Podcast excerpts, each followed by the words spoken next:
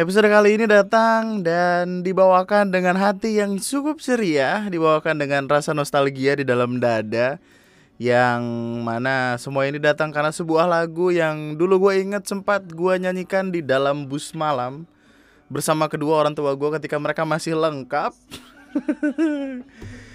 dan mari kita membahas kelanjutan tentang Arcturus, sebuah podcast challenge 30 hari di mana gua akan nemenin waktu lu sambil bernota be, be, be, ah bernostalgia bersama lagu-lagu kesayangan gua di sudut malam. Enggak ini opening doang.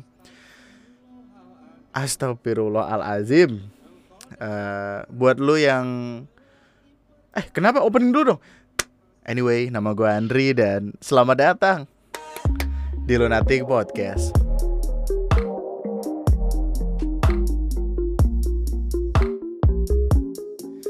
Jadi kan gue baru nemu video apa? G jadi gini, sebelumnya gini. Gue adalah orang yang gampang sekali terbawa oleh suasana yang ada. Apa pun itu.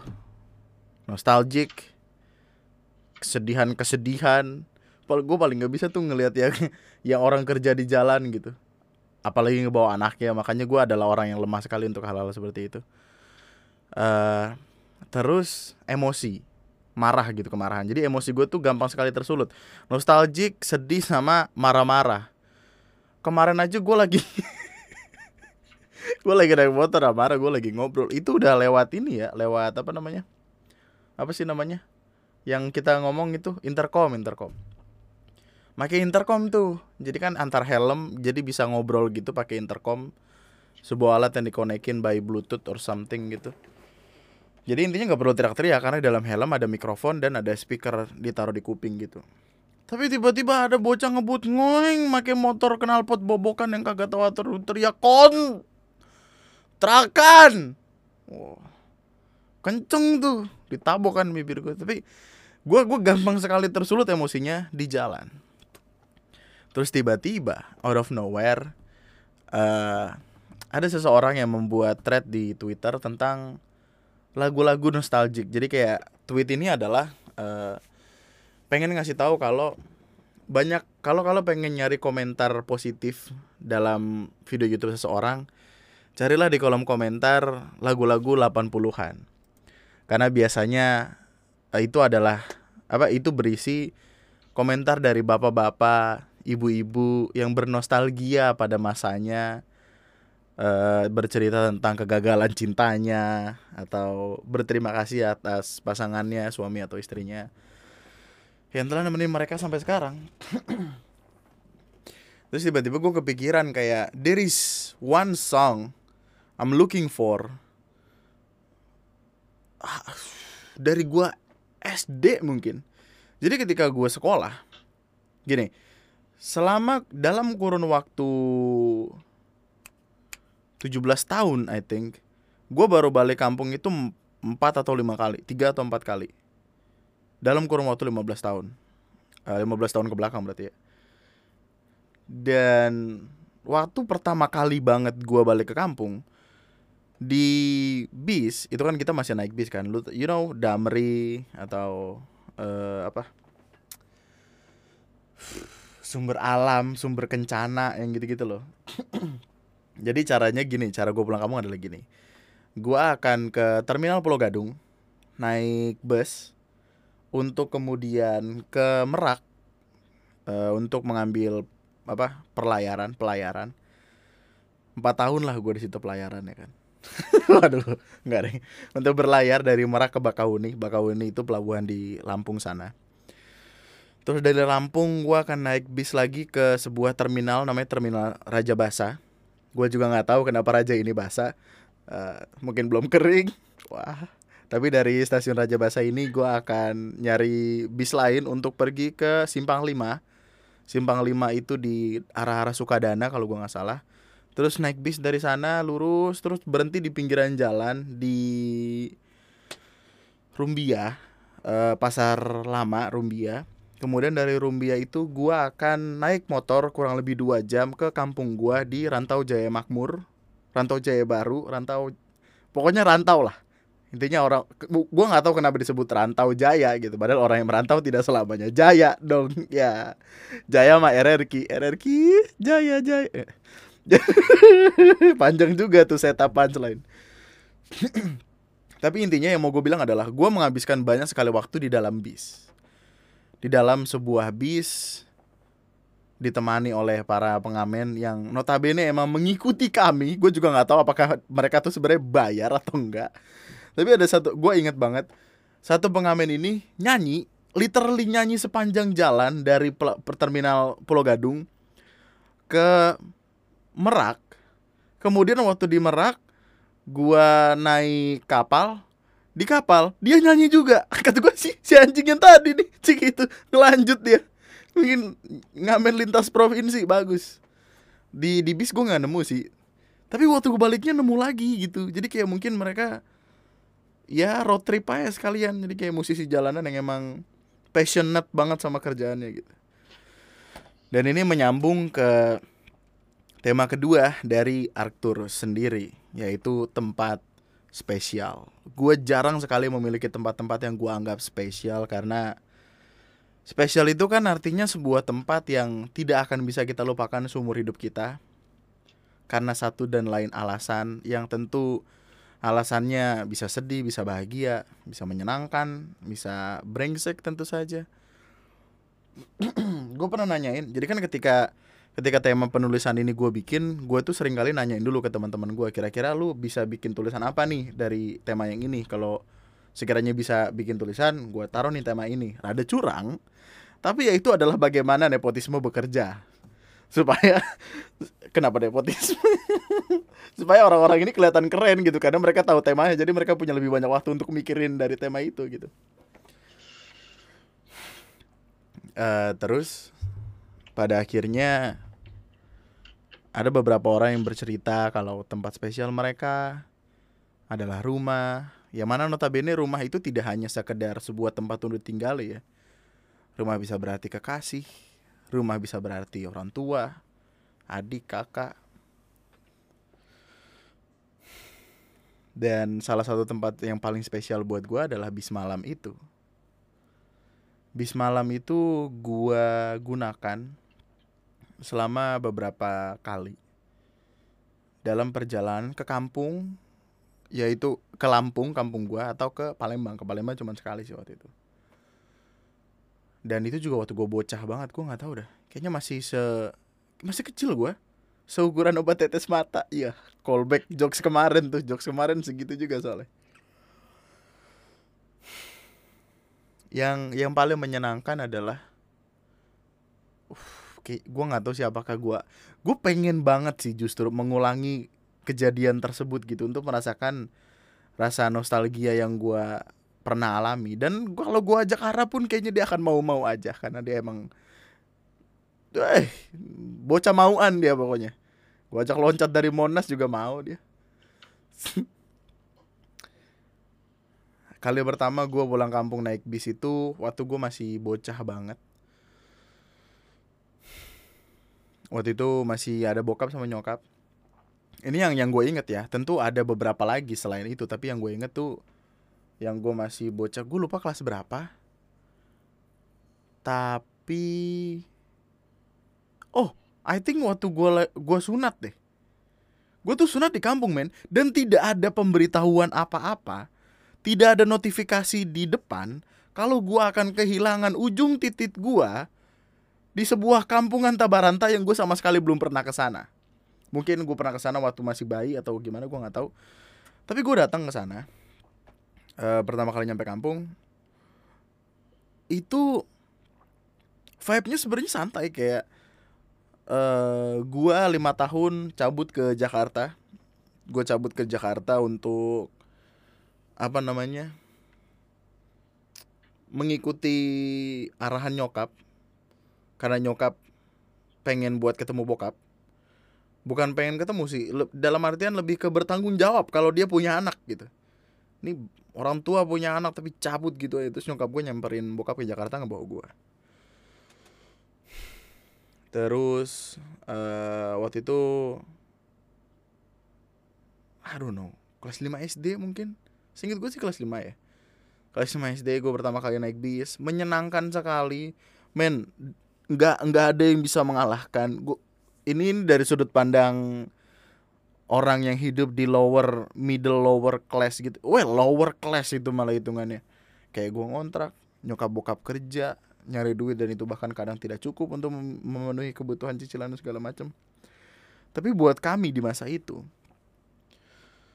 mendengar sebuah lagu yang dinyanyikan oleh pengamen jalanan menatap kaca jendela yang mana kondisi di luar sana sedang hujan.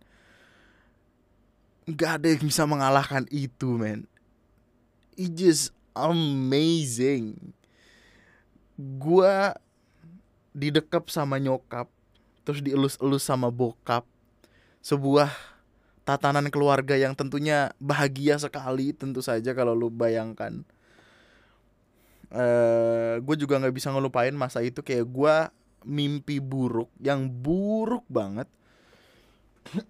Terus itu ngefek ke seluruh perjalanan gue karena ya namanya masih bocah. Uh, masih takut sama tempat baru sama hal-hal baru.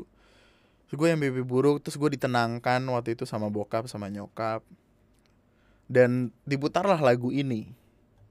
Lagu dari uh, enggak waktu itu bokap nenangin gua terus bokap bilang kayak mas ini anak saya lagi nangis nyanyiin lagu dong gitu. Lagu apa? Apa aja? Yang penting nadanya tenang. Dinyanyiin lah sebuah lagu dari Dul Sumbang uh, maestro kita. Terus tadi gue juga gue ngobrol kan kayak yang tahu Dul Sumbang nggak? Siapa Dul Sumbang? Dul Sumbang itu temennya Iwan Fales Sumbang sama Fales kan nggak beda jauh ya tapi temenan lah mungkin. Terus diputar lagu Juwita uh, Juwita Juwita nyamuk nakal kalau gue nggak salah judulnya. Lagunya kurang lebih kayak gini. Gue nggak tahu bakal copyright atau enggak ya.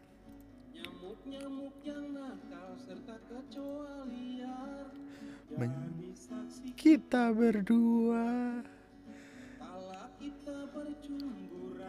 Di sudut kamar. Hihi. Kenapa jadi kayak ini ya?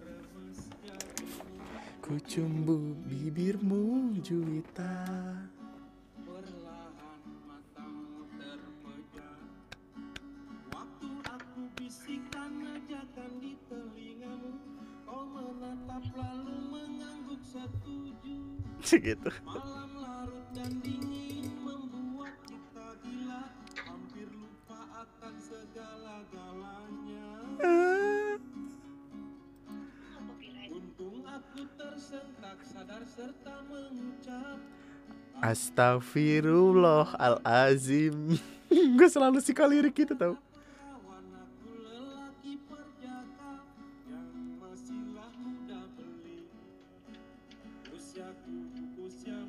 Baru akhir balik Asik Sumpah men gue pertama kali tadi ya tadi ketika nemuin lagunya merinding kayak ah this is the song that I've been looking for my whole life. Ya gitu enggak deh. Dan entah kenapa bro gue SD loh. Dinyanyiin sebuah lagu tentang ABG yang ingin bercumbu. Dan mereka bersadar terus tersentak astagfirullahalazim ya bagus sih. Pesan yang cukup bagus ingin disampaikan dari orang tua gue sih. Cuman kelas 5 SD tersentak astagfirullahalazim. Menyenangkan sekali di masa-masa itu. Terus uh, banyak lagu-lagu lain. Jadi kan ketika gue nggak tahu ini ini lucu atau enggak tapi ketika uh, pengamennya lelah dia capek dia ngomong sama supirnya Pak Pir. Dia mengirim Pak Pir gue nggak tahu namanya namanya Piraun ya Pak Pir ganti lagu ini dong. Jadi kayak dia request gitu terus lagunya yang diputar di TV di atas bus. Dan dan dan itu berulang kali terjadi gitu kayak ketika lagunya selesai ayo Pir kita nyanyi lagi. Dia megang gitar nyanyi lagi. Terus dia lepas nyanyiin di itu DVD lagi dan DVD loh dulu. Nostalgic sekali gitu di sebuah bis malam uh, di sebuah jalanan yang emang panjang banget tuh tau kan uh, jalan dari dari terminal Pulau Gadung ke Merak gitu kan kalau naik mobil biasa bisa 2 sampai 3 jam gitu. Dan itu lewat tol lurus terus sampai akhirnya ketemu jalan yang rada naik turun naik turun.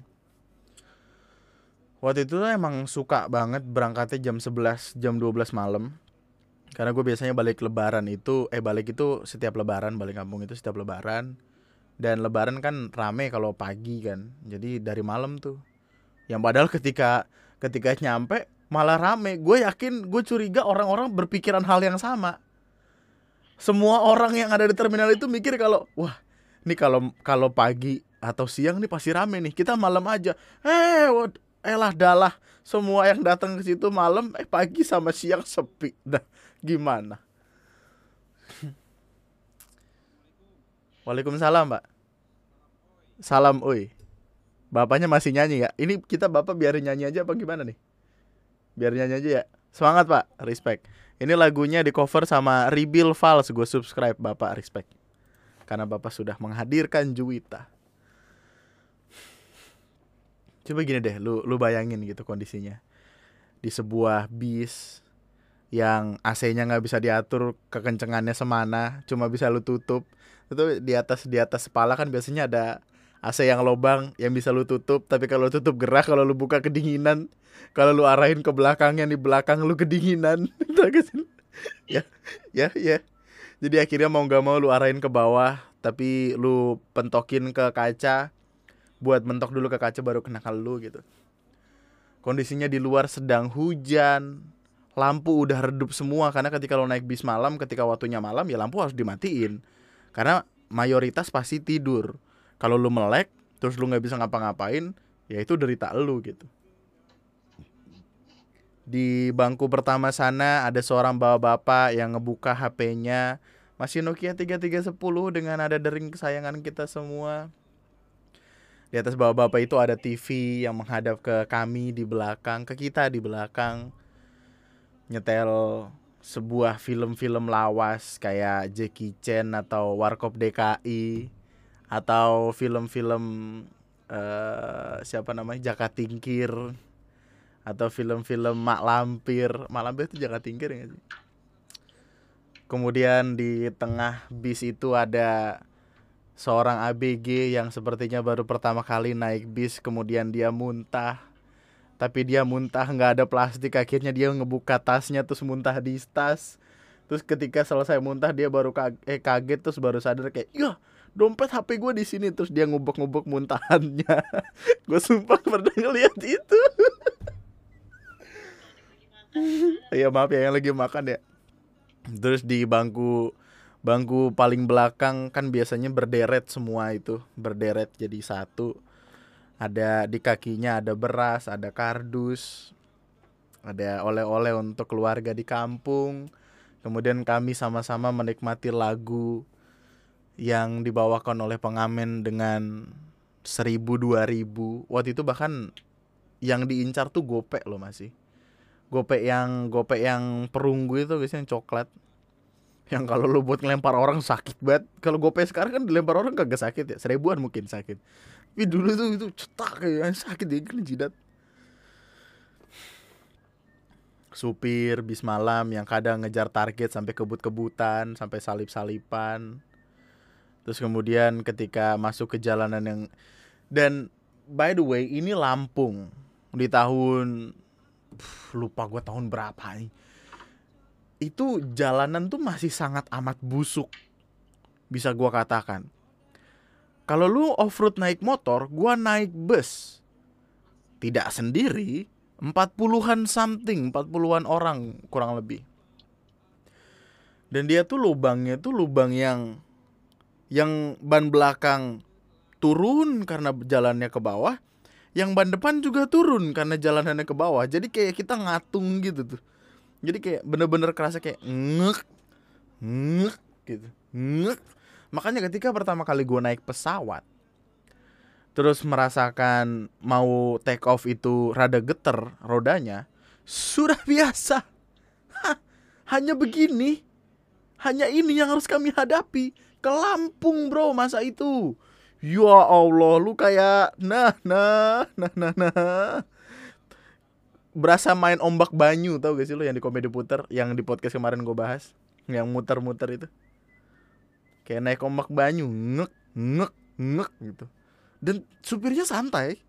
Tidak ada ketakutan dia akan jatuh karena dia sudah pro mungkin melewati jalan itu. Terus di kiri jalan kayak ada some kind of bukit gitu tapi kayak uh, di atasnya ada jalanan setapak gitu yang bisa dikatakan itu adalah sebuah irigasi. Yang padahal gue juga nggak tahu kenapa dia harus iri ya. Maksudnya kan jalan hidup masing-masing orang beda ya. Kenapa harus iri?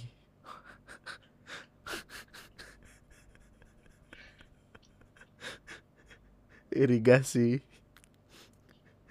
ngapain iri sih? Nggak harus aja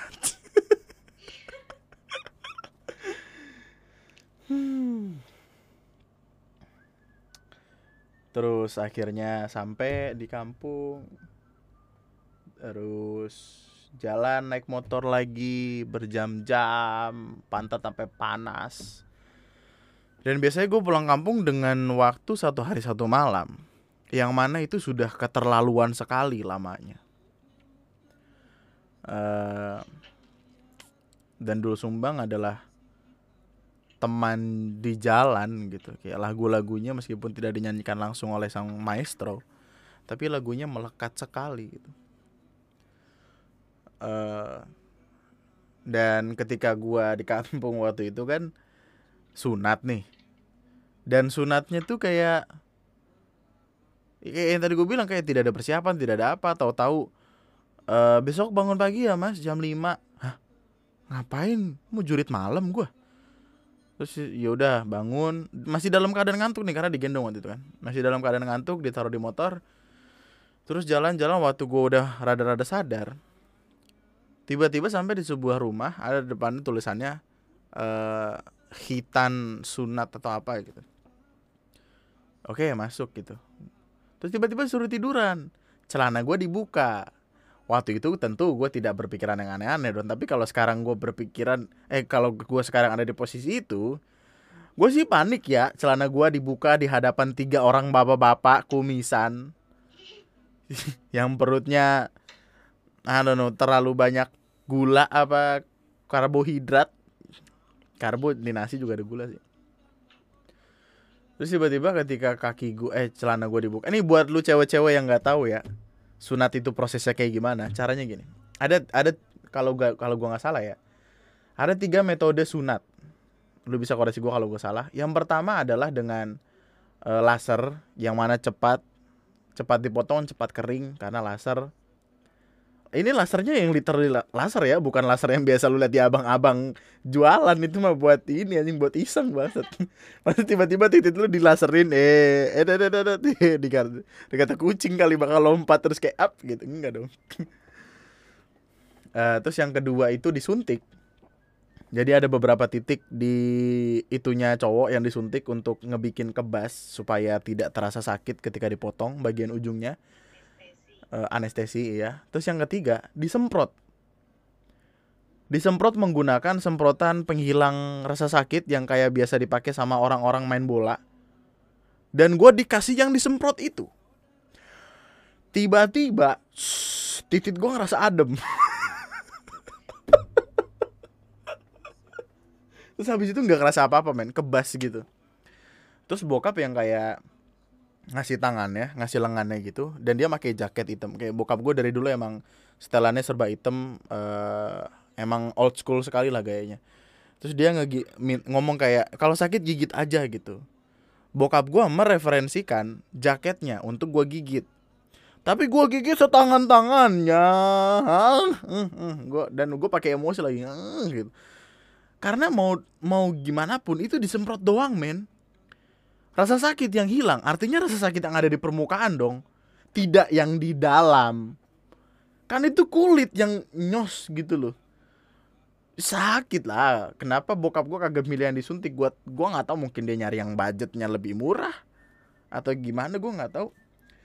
Tapi tahu-tahu ya udah ada bagian di, dari diri gue yang terlepas. Setelah itu gue nggak tahu mungkin dibikin kerupuk kulit atau di sangrai dijemur gue nggak tahu dan dan ketika habis sunat itu gue balik masih naik motor loh nyet.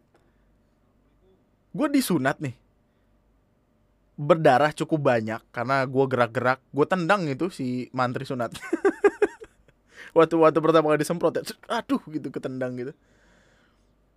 Terus ketika udah itu diperban diperban gue mesti duduk di motornya dan gue dihimpit oleh dua orang bapak-bapak waktu itu. Kalau misalkan bapak gue di belakang yang megangin gue uh, maju karena yang bawa motor ngerem mendadak hmm, coba lu bayangin itu jadi presto titit gue uh. terus akhirnya kami kembali ke rumah di rumah gue cuman bisa tiduran rebahan kipas gue arahin ke ini gue supaya tenang supaya adem. Uh, terus mulai banyak orang datang berdatangan untuk memberikan uang. Dan seperti biasa kebohongan orang-orang tua maksud saya saya bukannya ingin berpikiran buruk kepada orang tua orang tua sekalian. Tapi mbok yo kalau misalkan anaknya dapat duit jangan jadiin alasan buat beli tas beli sepeda atau beli PS tolong dong. Kalau misalkan itu benda tidak ada di rumah sebel kita. Asli dah. Udah sini duitnya mama simpan dulu nanti mama beliin sepeda. Ya Allah. Sepedanya sepada sampai sekarang kagak ada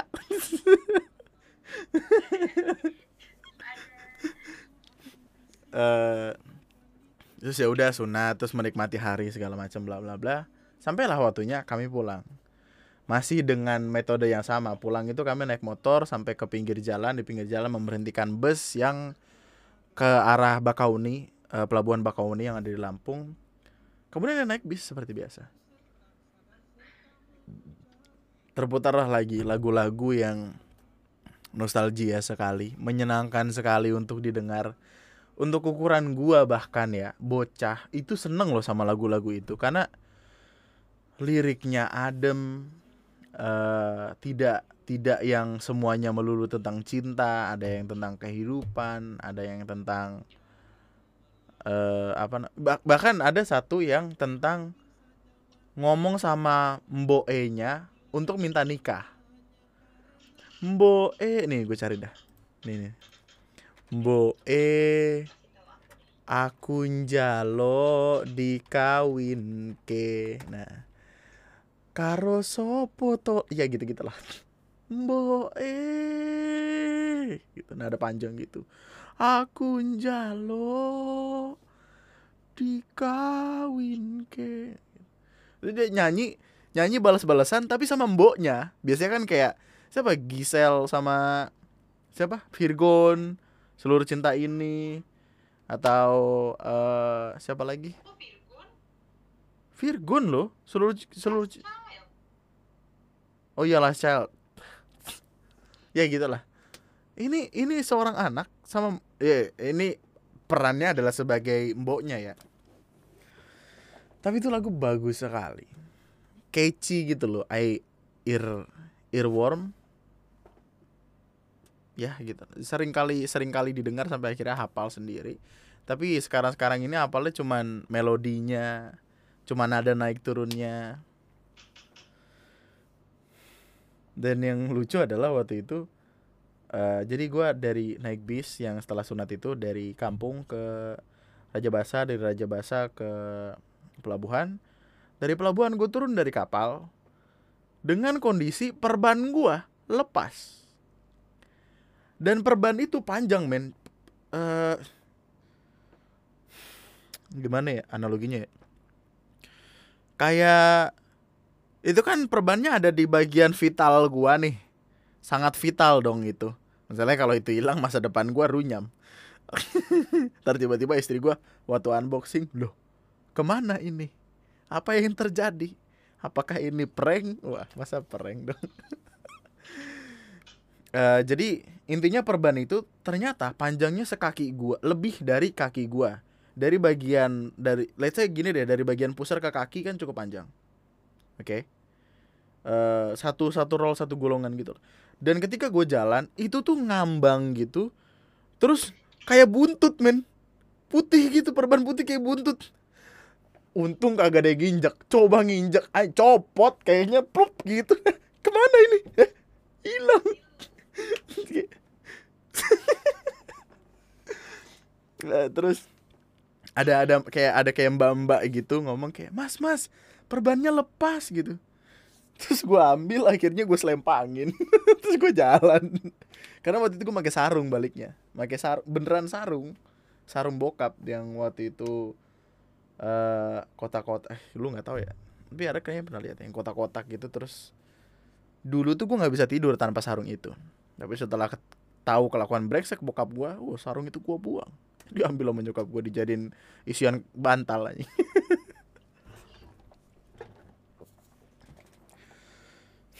Kali selanjutnya gue balik ke kampung itu dalam kondisi yang dalam kondisi keluarga yang lagi mulai chaos nih mulai ada keributan segala macam berantakan bla bla bla.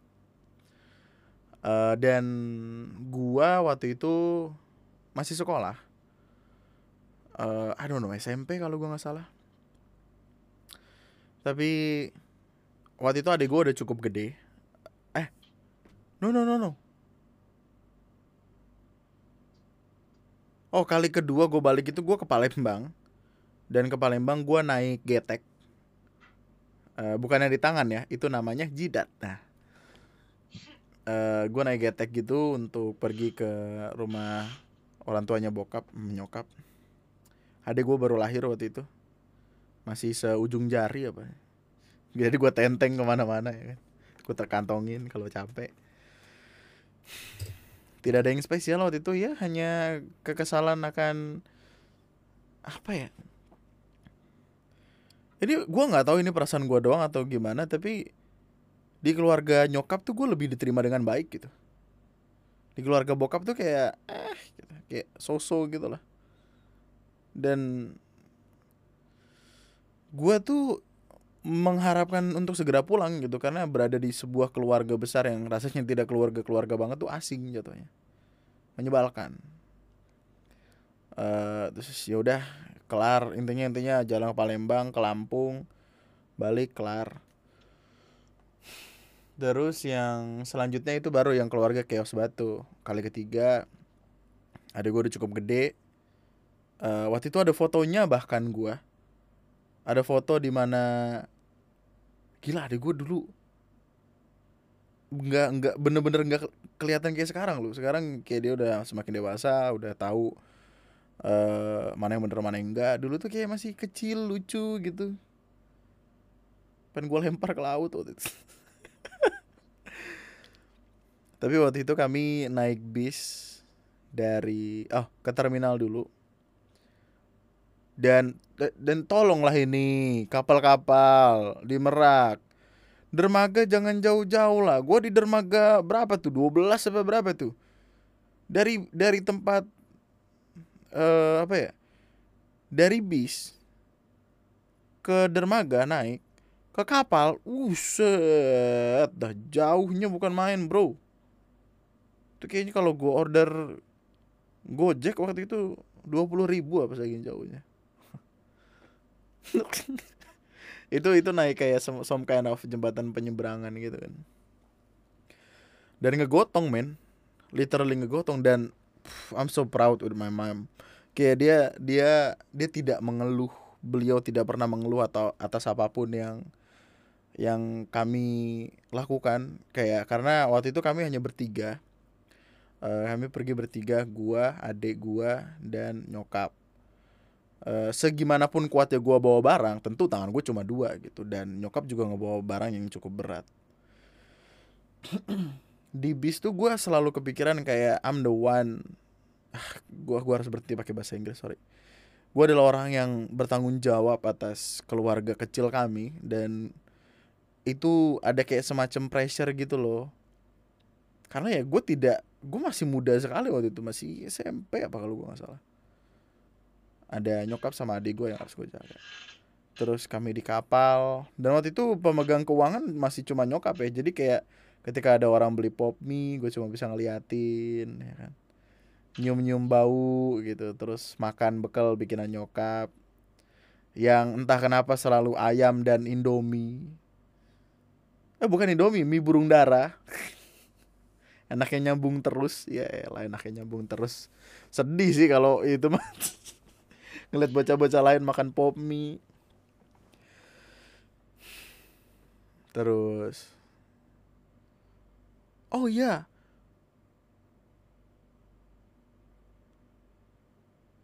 Kami akhirnya ketemu sama bokap di perjalanan pulang. Jadi kayak kami berangkat berangkat terus ke kampung. Di kampung dia uh, bokap tidak datang gua nggak tahu lagi ada masalah apa saat itu. Mungkin kayak udah udah ada problem satu dan lain hal kemudian dia takut untuk ketemu sama kakung gua. Karena kakung gua adalah orang yang sangat amat tidak peduli persis banget kayak gua. Uh, nyokap punya adik. Adanya nyokap punya anak which is keponakan gua. Keponakan gue ini nikah sama seorang laki-laki. Laki-lakinya ini punya masalah sama saudaranya. Uh, jadi dia tidak diperbolehkan untuk balik ke kampung. Uh, karena akan ditembak sama saudaranya. Saudaranya bilang kayak, lu kalau balik kamu gue tembak lu. Kakung gue, chill, santai. Kakung gue cuma bilang, ya kalau mau ke sini ditembak ya ya udah. Yang satu mati, yang satu di penjara kan selesai. Wuh, bro, Gua sekali itu kakung gua. Nggak heran gua. Ketika gua dengar kakung gua ngomong kayak gitu, nah ini gua turun dari ini nih. Ini nih kelakuannya. Enak banget ngomongnya kayak ya udah ya satu mati yang satu di penjara. Mati tinggal dikubur di penjara ya udah berapa tahun gitu. Uh, tapi bokap intinya nggak bisa nggak gua gua nggak tahu nggak bisa atau nggak mau karena malu atau gimana Kira kami di kampung hanya bertiga uh, untuk waktu yang aduh dua minggu waktu itu. Kemudian kami pulang dari kampung naik motor ke jalanan gede, jalan gede naik bis, terus ketemu di terminal Raja Basa, sebuah terminal salah satu yang paling gede di Bandar Lampung. Dari Raja Basa ini tiba-tiba ada bokap, out of nowhere, gue punya bapak. Nih, kenapa lu kagak ngikut dari tadi? Kata gue, astaga dan itu adalah masa di mana bis tidak lagi seperti bis yang pernah gue rasakan. Kali pertama gue naik bis tuh menyenangkan sekali lagu semua di uh, nyanyikan dinyalakan sepanjang malam. Tidak ada yang peduli seberapa bisingnya lagu yang diputar itu, tapi kami semua menikmati itu. Gue tahu ada yang terpaksa, gue yakin, tapi everything is just totally fine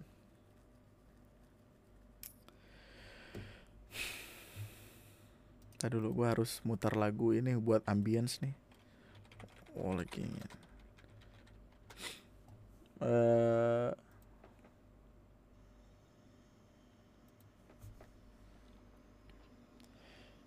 kondisi waktu itu tuh purely dingin gitu. Tidak ada obrolan dari satu dan yang lainnya. Terus ada gue nggak tahu uh, apakah sarkastiknya gue itu udah hadir bahkan ketika gue masih bocah atau gimana. Tapi waktu itu tuh ada uh, gue naik bis dan di bis itu tidak diperbolehkan untuk merokok dong pasti. Tiba-tiba ada kayak ABG ABG tanggung gitulah ngeluarin rokok ngebakar rokoknya ngerokok di dalam sebuah mobil bis dengan banyak orang di sana ada orang lain terganggu tapi mereka takut untuk menegur.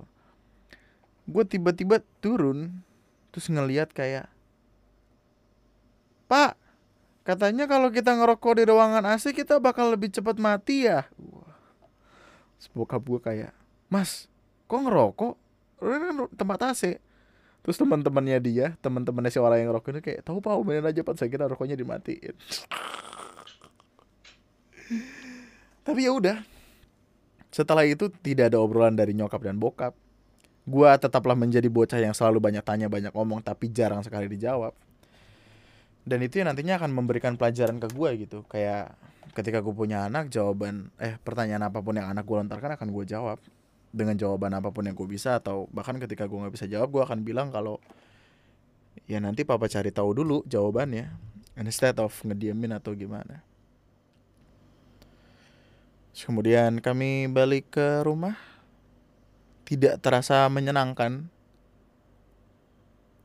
Tapi tetap yang terpatri di kepala gue itu adalah sebuah ingatan kalau bis itu adalah sehangat-hangatnya tempat di dalam kedinginan AC dan hujan di luar sana. Dan gue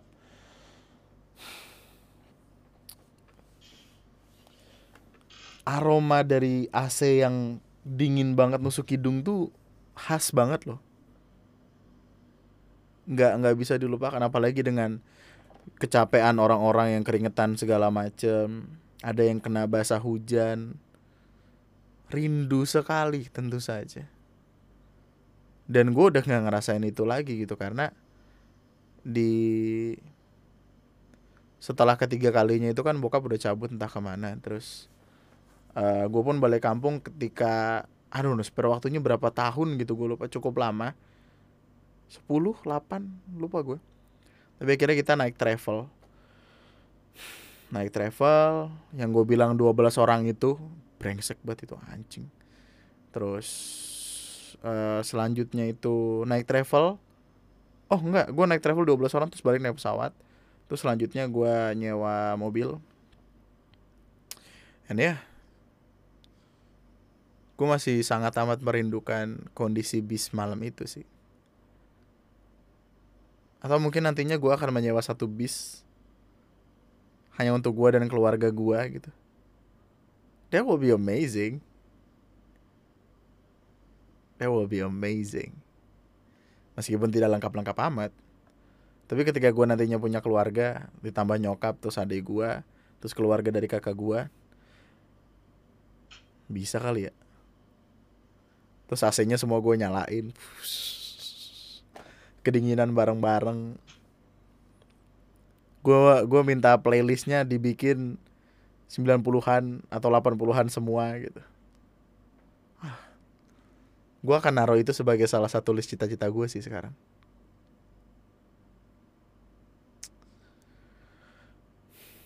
Semua orang tuh menyayangi ini loh menyayangi perasaan nostalgia yang dihadirkan dalam metode apa pun gitu. Itu kan itu kan itu harusnya pertanyaan.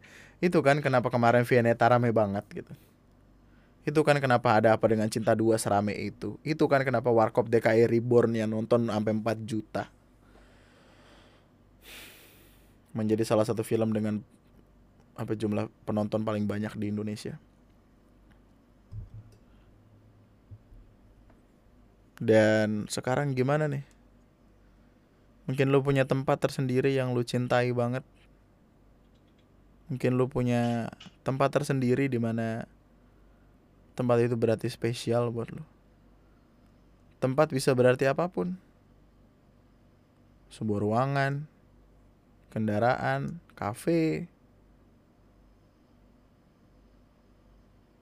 atau orang-orang yang lu sayang.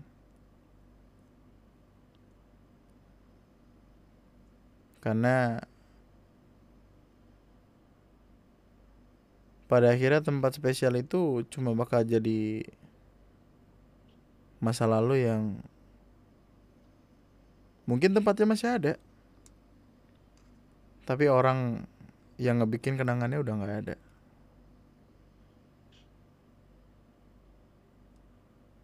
Dan tentu kita akan rela untuk I don't know membayar apa pun demi ada di tempat ternyaman itu.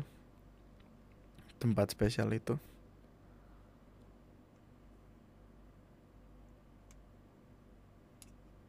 Karena kita tahu kayak kita bakal ngerasa tenang di sana. Dan siapa pun yang ngedengerin ini di mana pun lo ngedengerin ini Lu punya tempat spesial, satu tempat untuk pulang Lunati Podcast untuk mendengarkan cerita, untuk berbagi semua apa yang lu rasain dalam hidup lewat email-email atau lewat pendengaran lu sekarang yang lagi dengerin perkara-perkara random dari orang yang gua nggak tahu, yang lu sendiri nggak tahu orang ini tinggal di mana, ngomongnya dari bangku atau tiduran Tapi kita semua selalu punya tempat spesial yang akan selalu ngebikin kita tenang pada akhirnya.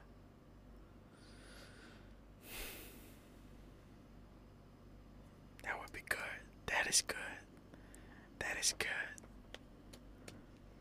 Sekarang udah nggak ada nggak ada eh masih ada nggak sih bis dalam kota? Pun kalau ada juga susah tahu karena corona men. Apa lu?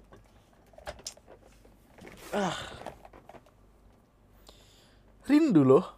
Yang yang paling gue rindukan tuh melihat abang-abang asongan tuh kali yang megang di sini yang isinya tahu eh, apa tahu kacang rudal rahasia negara wah mangga mangga apa ke apa namanya ke dongdong wah ke dongdong ke dondong ke dongdong apa sih? Gimana namanya? Ke dondong orang-orang yang ngamen terus kayak dia ngetokin ini atap bus buat turun tok tok tok tok tok tok, tok turun. Taunya dia tok tok tok tok tok. Assalamualaikum. Wah dibuka dari atas. Waalaikumsalam. Ya gitu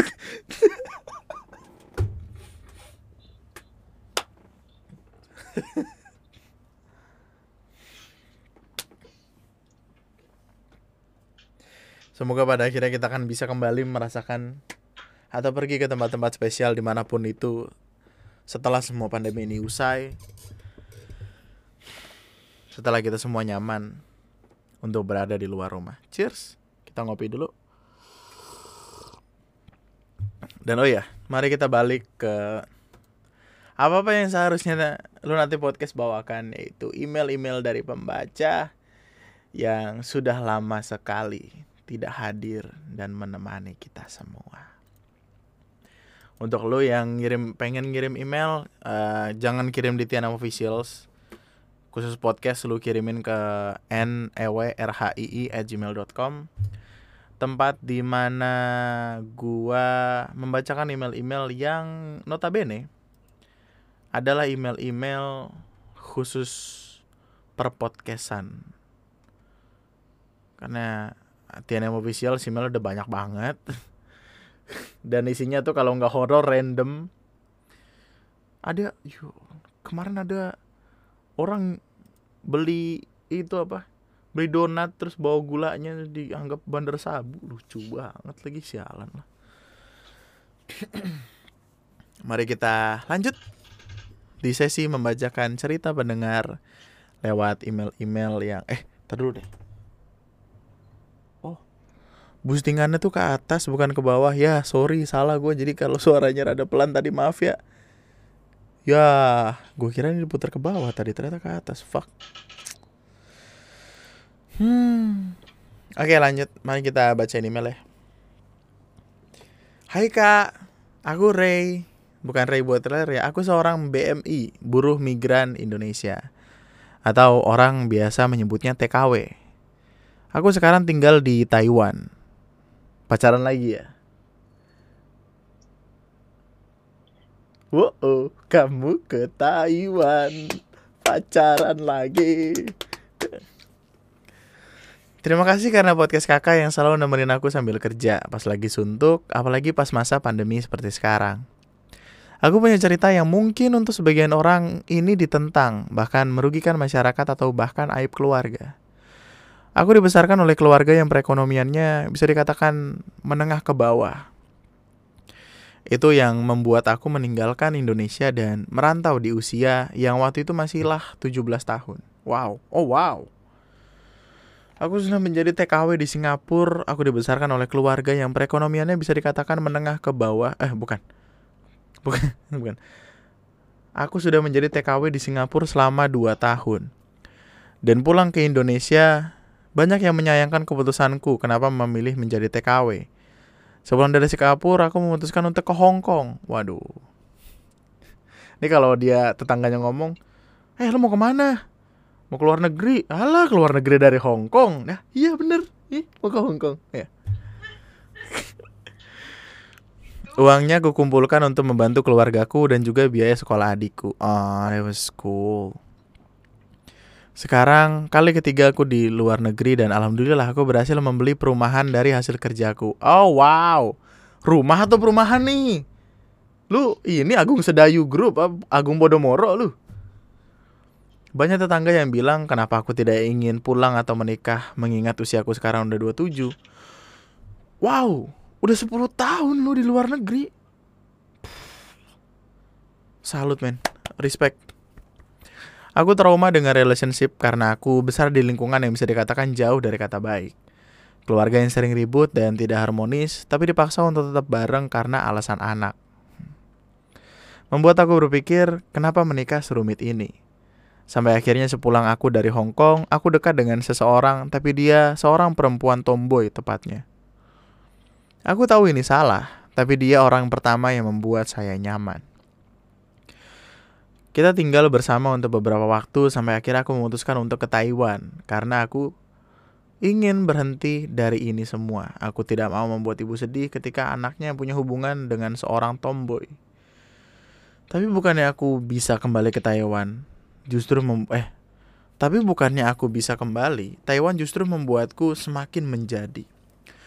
Melihat temanku disakiti suaminya atau laki-laki yang hanya menjadikan perempuan sebagai objek semata, trauma yang aku alami semakin jadi. Hubunganku dengan partnerku memang berhasil aku akhiri dengan baik dengan tujuan aku ingin kembali straight. Tapi ternyata aku kembali di kembali bertemu dengan orang baru dan kita sudah stay bareng selama satu tahun di sini. Kadang kalau malam selalu aku nangis sendiri karena aku gagal menjadi anak yang baik. Aku mengecewakan ibu dan bapak. Tapi di sisi lain aku juga tidak tahu apa aku bisa tanpa pasanganku sekarang. Maafkah kalau kepanjangan, terima kasih karena udah dibaca. No, thank you so much for... Oh, wow.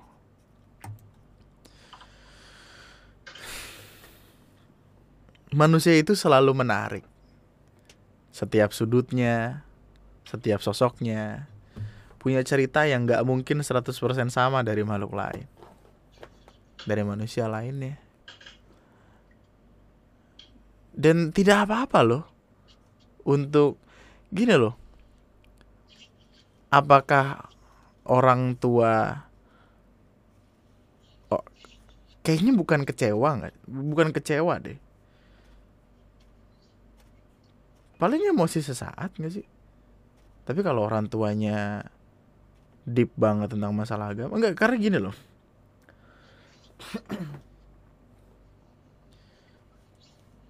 kalau orang-orang tua zaman sekarang mereka udah tahu bagaimana perasaan yang anaknya punya gitu. Bagaimana intinya adalah bagaimana cara agar anak itu bahagia. Gimana pun cara anak ini untuk bahagia. Tapi untuk orang-orang dulu yang pola pikirnya masih lah sangat amat uh uh, eh, 98 sekali apa 98 sih gua yang sangat old school sekali akan susah sih.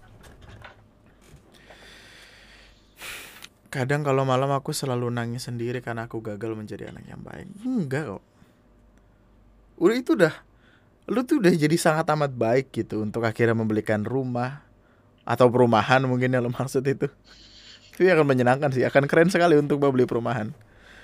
Udah menyekolahkan adik lu, adik lu pasti bangga akan apa pun yang udah lu raih. Gagalnya dalam konteks apa dulu nih gagal untuk membangun hubungan dengan seorang laki-laki mengingat lo adalah perempuan. Tapi kalau nyamannya sama perempuan ya gimana ya? Ini semua balik lagi ke perkara mayoritas tapi kayaknya kalau di negara orang suka-suka hati aja gak sih? Kalau negara orangnya tuh let's say Taiwan, Bangkok, Taiwan, Thailand, Singapore. I think you can do almost everything in Singapore. Unless chewing a gum. oh ya Korea.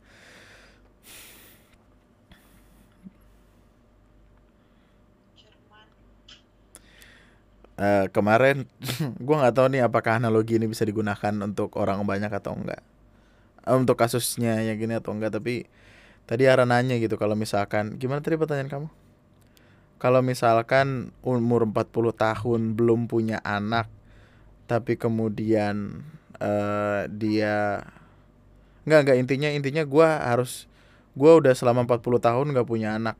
Tapi kalau gue mau punya anak istri gue yang harus jadi taruhannya mau milih punya anak atau sama istri aja. Gue akan tetap milih istri gue loh. Gue akan tetap milih istri gue karena ya anak gue nggak akan nemenin gue sampai tua gitu. Ketika ketika gue dewasa eh ketika anak gue dewasa dia akan bertumbuh memiliki keluarganya sendiri dan yaudah gue bakal jadi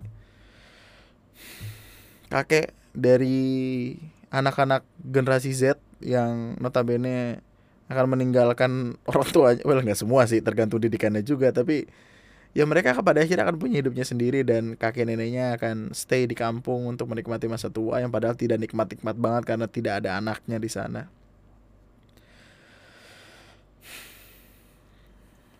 Tapi gue kalau misalkan ada pilihan kayak gitu gue juga nggak tahu sih. Itu pilihannya adalah pilihan antara istri atau anak loh. Tidak yang ibu atau istri itu akan sulit sekali kalau misalkan dikasih pilihan kayak gitu. Mau segimanapun dikasih pressure juga akan sulit gitu. Tapi kalau misalkan uh, lu nggak sayang sayang amat sama ibu lu Eh, enggak sih dia sayang sih sama ibunya kayaknya. Gue gak tau gue hubungan lo sama orang tua lo baik gak men kalau hubungan lo nggak sama orang tua lo nggak baik udah sama, sama cewek lu aja gitu maksud gue lu pada akhirnya akan tua dan menua bersama orang ini gitu tidak bersama orang tua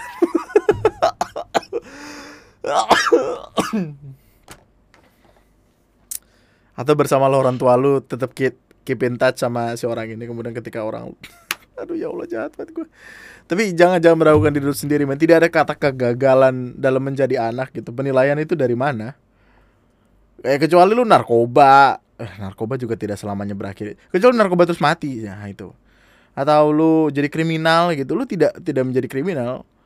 Kegagalan yang dimaksud itu apa kegagalan ekspektasi as long as we are happy our parents will be happy too there will be a happy parents for looking at their lovely daughter, son, that having a good time with someone else. Gue akan membacakan email dari terlama, sorry. Tadi gue ini yang baru nih. You did great. You did great. Thank you so much atas emailnya. Gue gue selalu ini deh, selalu akhir-akhir ini gue ada di dalam sebuah obrolan bersama orang-orang yang uh, eh, gue kenal itu baru gitu dan kata yang sering kali keluar ada seperti yang gue pernah bilang gue nggak tahu Tuhan ngasih apa tapi setiap kali gue ngobrol sama orang tendensi mereka adalah untuk menceritakan rahasia kelam dalam hidup mereka. Gue gue santai gitu. Maksudnya gue gue bisa dikatakan cukup baik lah. Gue gua ini aduh gimana ya? Nggak boleh ngomong baik ya. Tapi intinya gue aman lah kalau misalnya lu ngomong rahasia lu ke gue gue aman gitu. Gue tidak akan menceritakan itu ke orang yang sekiranya akan membocorkan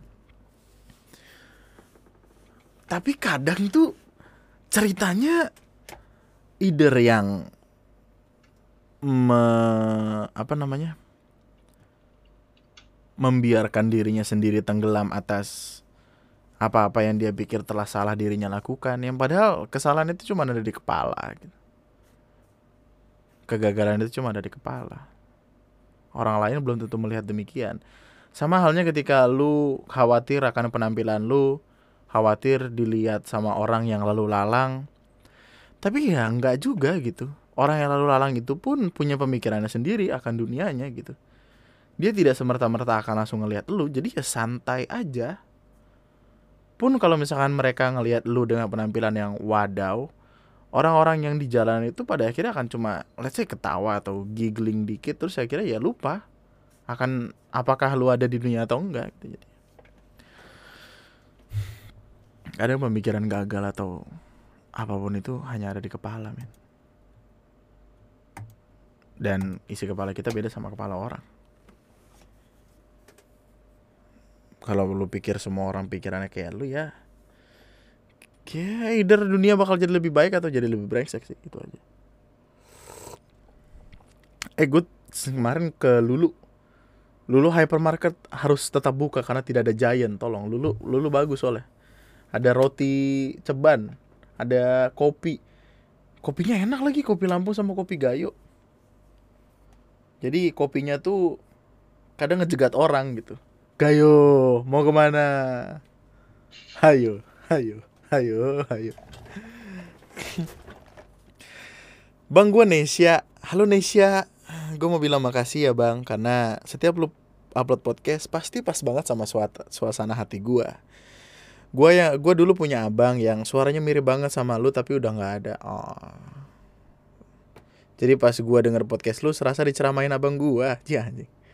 Gue boleh curhat kan bang? Jadi gini, gue dulu punya cowok tapi kita udah satu tahun lebih. Eh, gue dulu punya cowok. Kita udah satu tahun lebih. Nah tiba-tiba dia minta putus tanpa alasan.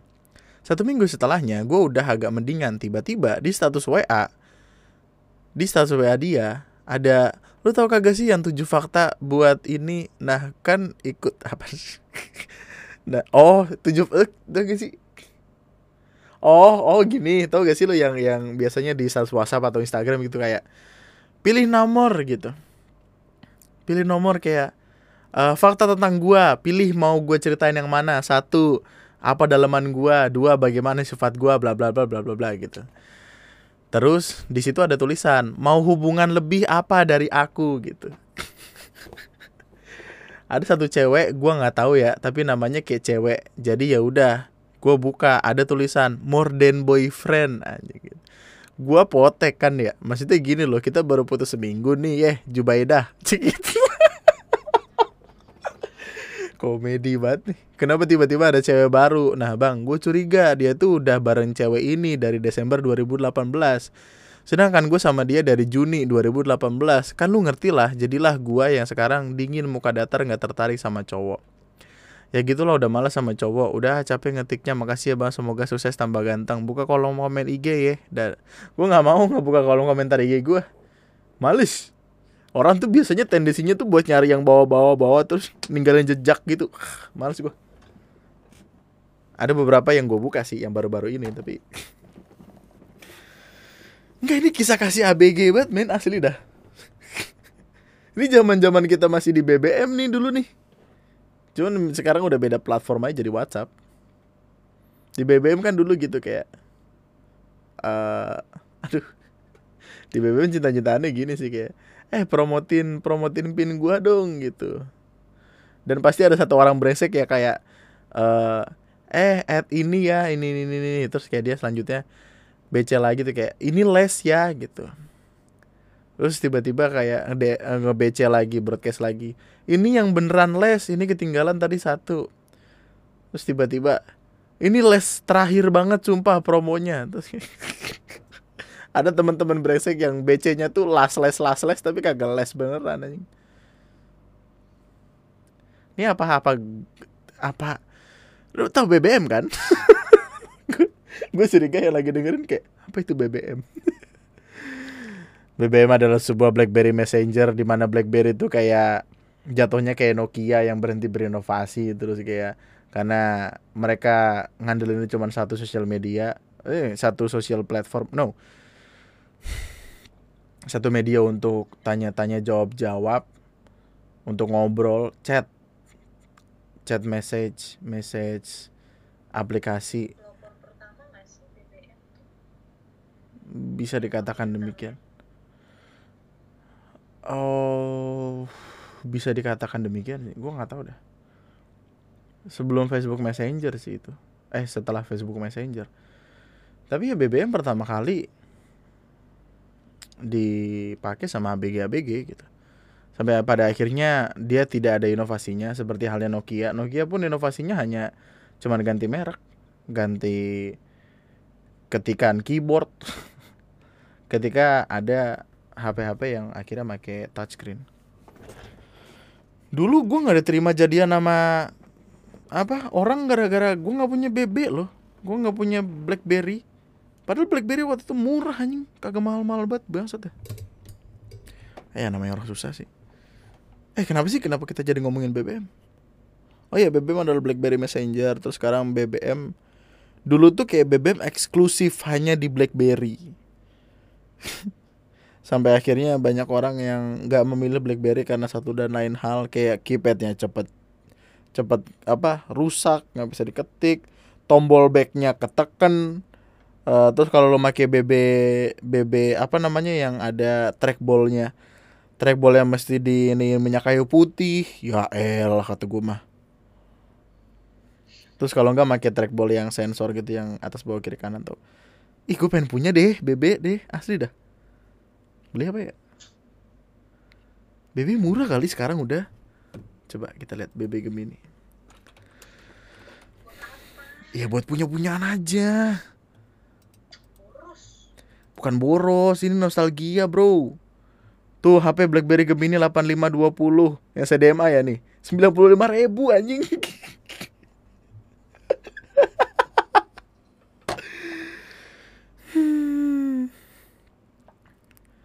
Fisik sesuai foto, email aman, in out oke, okay, semua fungsi. Baterai original awet, tinggal pakai. Kelengkapan unit HP baterai. Astaga gue pengen main satu main as ah beli ah gue sembilan puluh lima ribu doang anjing. Ya elah. Ah gue cari ah.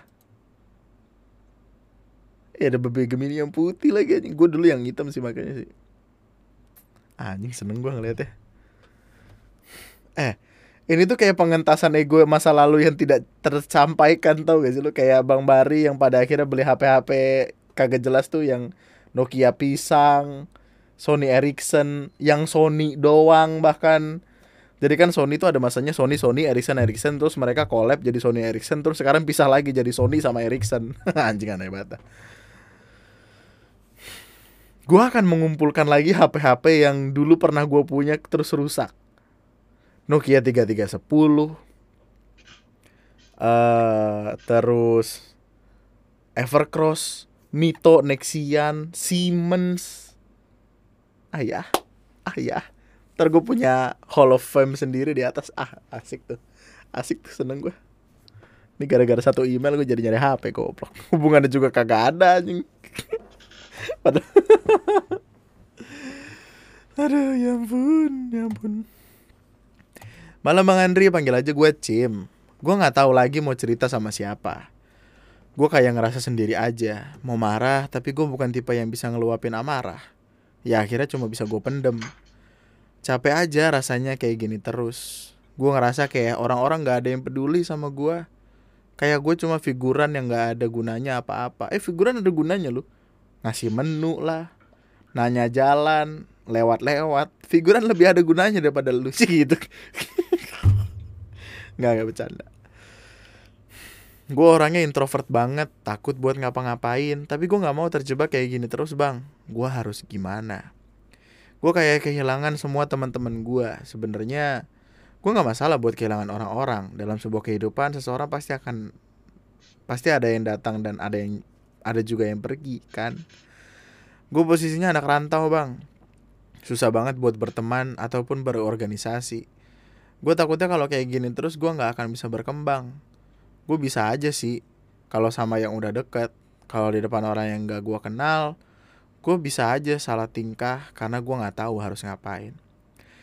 Segitu aja deh bang. Terima kasih jika abang udah baca email ini dan sampai jumpa di podcast selanjutnya. Btw gue selalu suka sama podcast lu bang. Semangat terus bang Andri. Gue selalu support lu. Ah thank you Mariri Roro Roro namanya Cim. 23 no 23 uh, 23rd September 2019 Siapa pun yang ngirim email ini Harusnya sudah punya banyak teman. Biar gue kasih tahu satu tips yang sekiranya mungkin bisa ngebantu lu dah. Gue Sebagai orang yang sangat amat canggungan sekali sebagai seorang pemikir dan penulis di masa itu, gue selalu membuat skenario sekiranya apa yang harus gue lakukan ketika satu dan lain hal terjadi. Waktu itu gue punya, aduh, bukunya enggak ke mana ya bukunya? ya? Waktu gue pindahan gue taruh di mana lupa gitu. Jadi intinya gue punya sebuah buku karangan gue sendiri berisi skenario dari apa-apa yang sekiranya terjadi dan gue harus melakukan apa. Contoh gini, motor gue jatuh di jalan. A, motor gue jatuh di jalan. Yang harus gue lakukan, menunggu apakah ada orang yang ngebantuin atau enggak. Dalam kurun waktu 30 detik sampai 1 menit. Kalau nggak ada yang bantuin, gue bangunin sendiri. Kalau misalkan ada yang bantuin, gue akan bilang, oh makasih banyak ya mas, maaf ngerepotin. Itu skenario pertama, kalau misalkan gue jatuh dari motor. Skenario kedua, kalau misalkan gue ketemu sama temen yang gak deket-deket banget di jalan. Ketika, I don't know, dia lagi duduk di motor nungguin emaknya belanja di pasar. Terus gue ada di kondisi yang sama juga, gue akan uh, kondisi pertama kalau dia ngelihat gue, gue akan nyapa kayak, eh ngapain gitu. Kondisi kedua kalau dia nggak ngelihat gue terus main HP pura-pura nggak tahu, gue akan buang muka seolah-olah gue nggak ngeliat ada dia. Ketiga, ketika keluar dari kondisi itu, keluar dari kondisi itu, gue ngelihat dia, apakah dia ngelihat gue atau enggak? Kalau gue ngelihat dia, eh ini duluan ya gitu. Dan skenario itu gue buat di dalam sebuah buku dan itu gue hafalkan dalam kepala gue. Jadi setiap kali gue ada di skenario tertentu, gue nganggapnya itu kayak sebuah film aja yang mana adegannya ya di kepala gue gitu dan ya sampai akhirnya gue udah membiasakan diri dengan ya fakir lah apa pun yang gue lakuin ya iris what is gitu. Gue akan jadi Andri yang biasa aja. Dulu gue tuh sakit canggunya gitu loh. Bahkan gue nulis ketika gue mau berantem sama orang opsinya tuh banyak kayak uh, lihat dulu nih orang jago berantem atau enggak atau lihat dulu badan lebih kecil dari lu atau enggak. Badan gue kan waktu itu cukup gede ya jadi kayak gue nampol orang cukup berasa lah harusnya. Kan bobot badan gitu kayak The Rock nampol The Rock nampol Ray deh Ray Botrel gitu.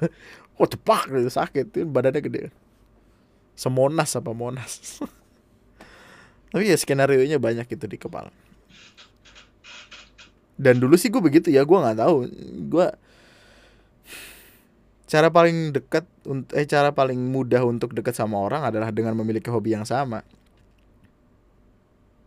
karena ketika kesukaan lu disebutkan sama orang lain, lu cenderung akan ya all out aja untuk jadi diri lu sendiri ngebahas apa yang lu suka. Lu introvert, tidak menyukai obrolan dengan orang baru. Tiba-tiba ada orang yang datang, eh lu suka anime, tiba-tiba orangnya datang kayak, "Oh, lu udah baca One Piece chapter paling baru belum?" Ih, gua udah tuh seru banget tau, lu udah belum? Gue belum nih. Ih seru banget coba lu tonton dah. Nanti ada surprise tentang Sanji. Ih kenapa Sanji? Udah tonton dulu. Eh udah baca dulu. Ih ceritain aja. Iya jadi Sanji dia tiba-tiba disabet pakai pedang tapi pedangnya patah nih oh iya gitu. Kira itu akan satu satu satu satu ngobrol.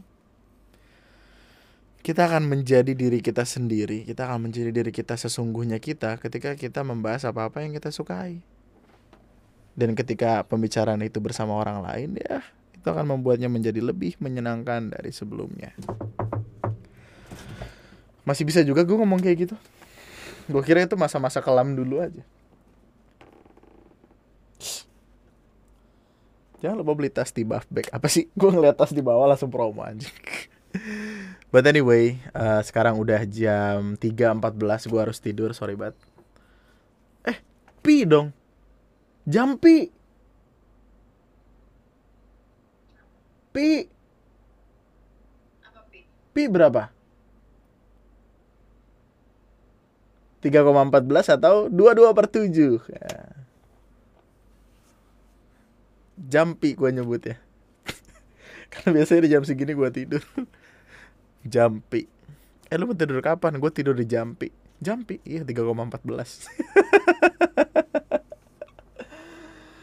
Ah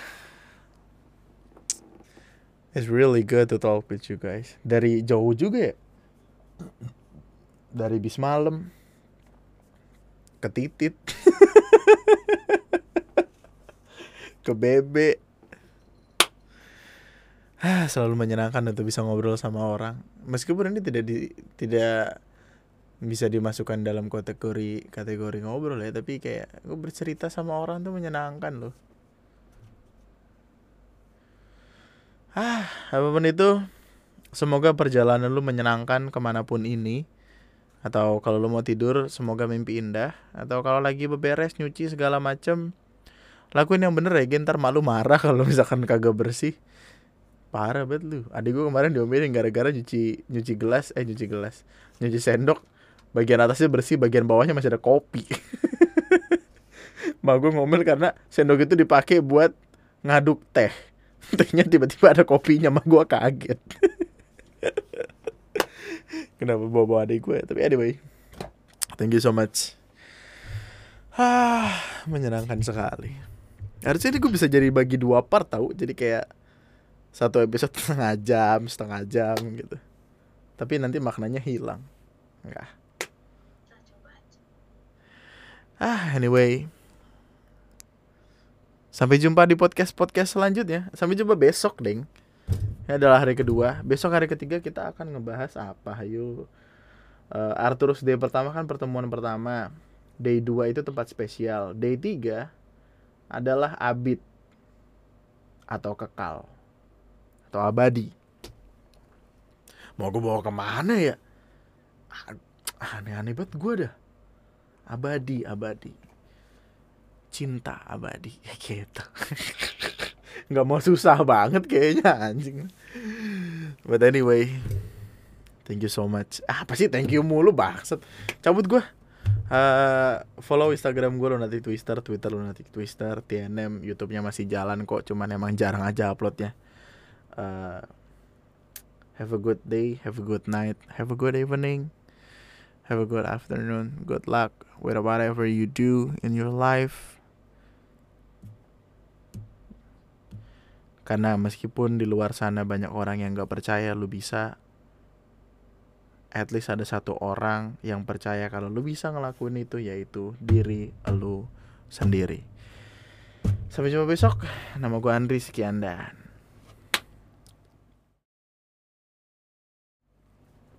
Lagi dong. Lagi lah.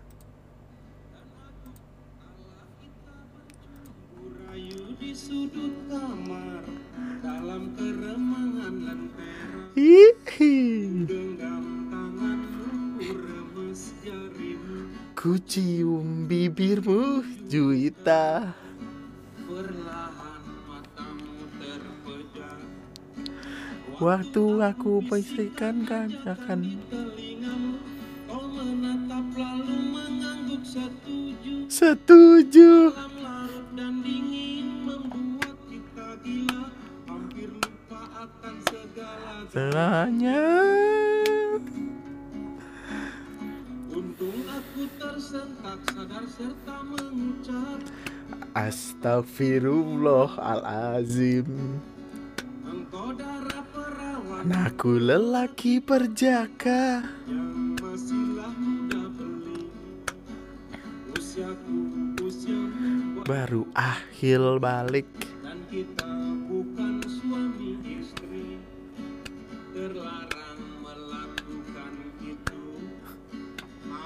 saja mahkotaku dan Mahkotamu hilang Bukan hanya karena sekelah nafsu.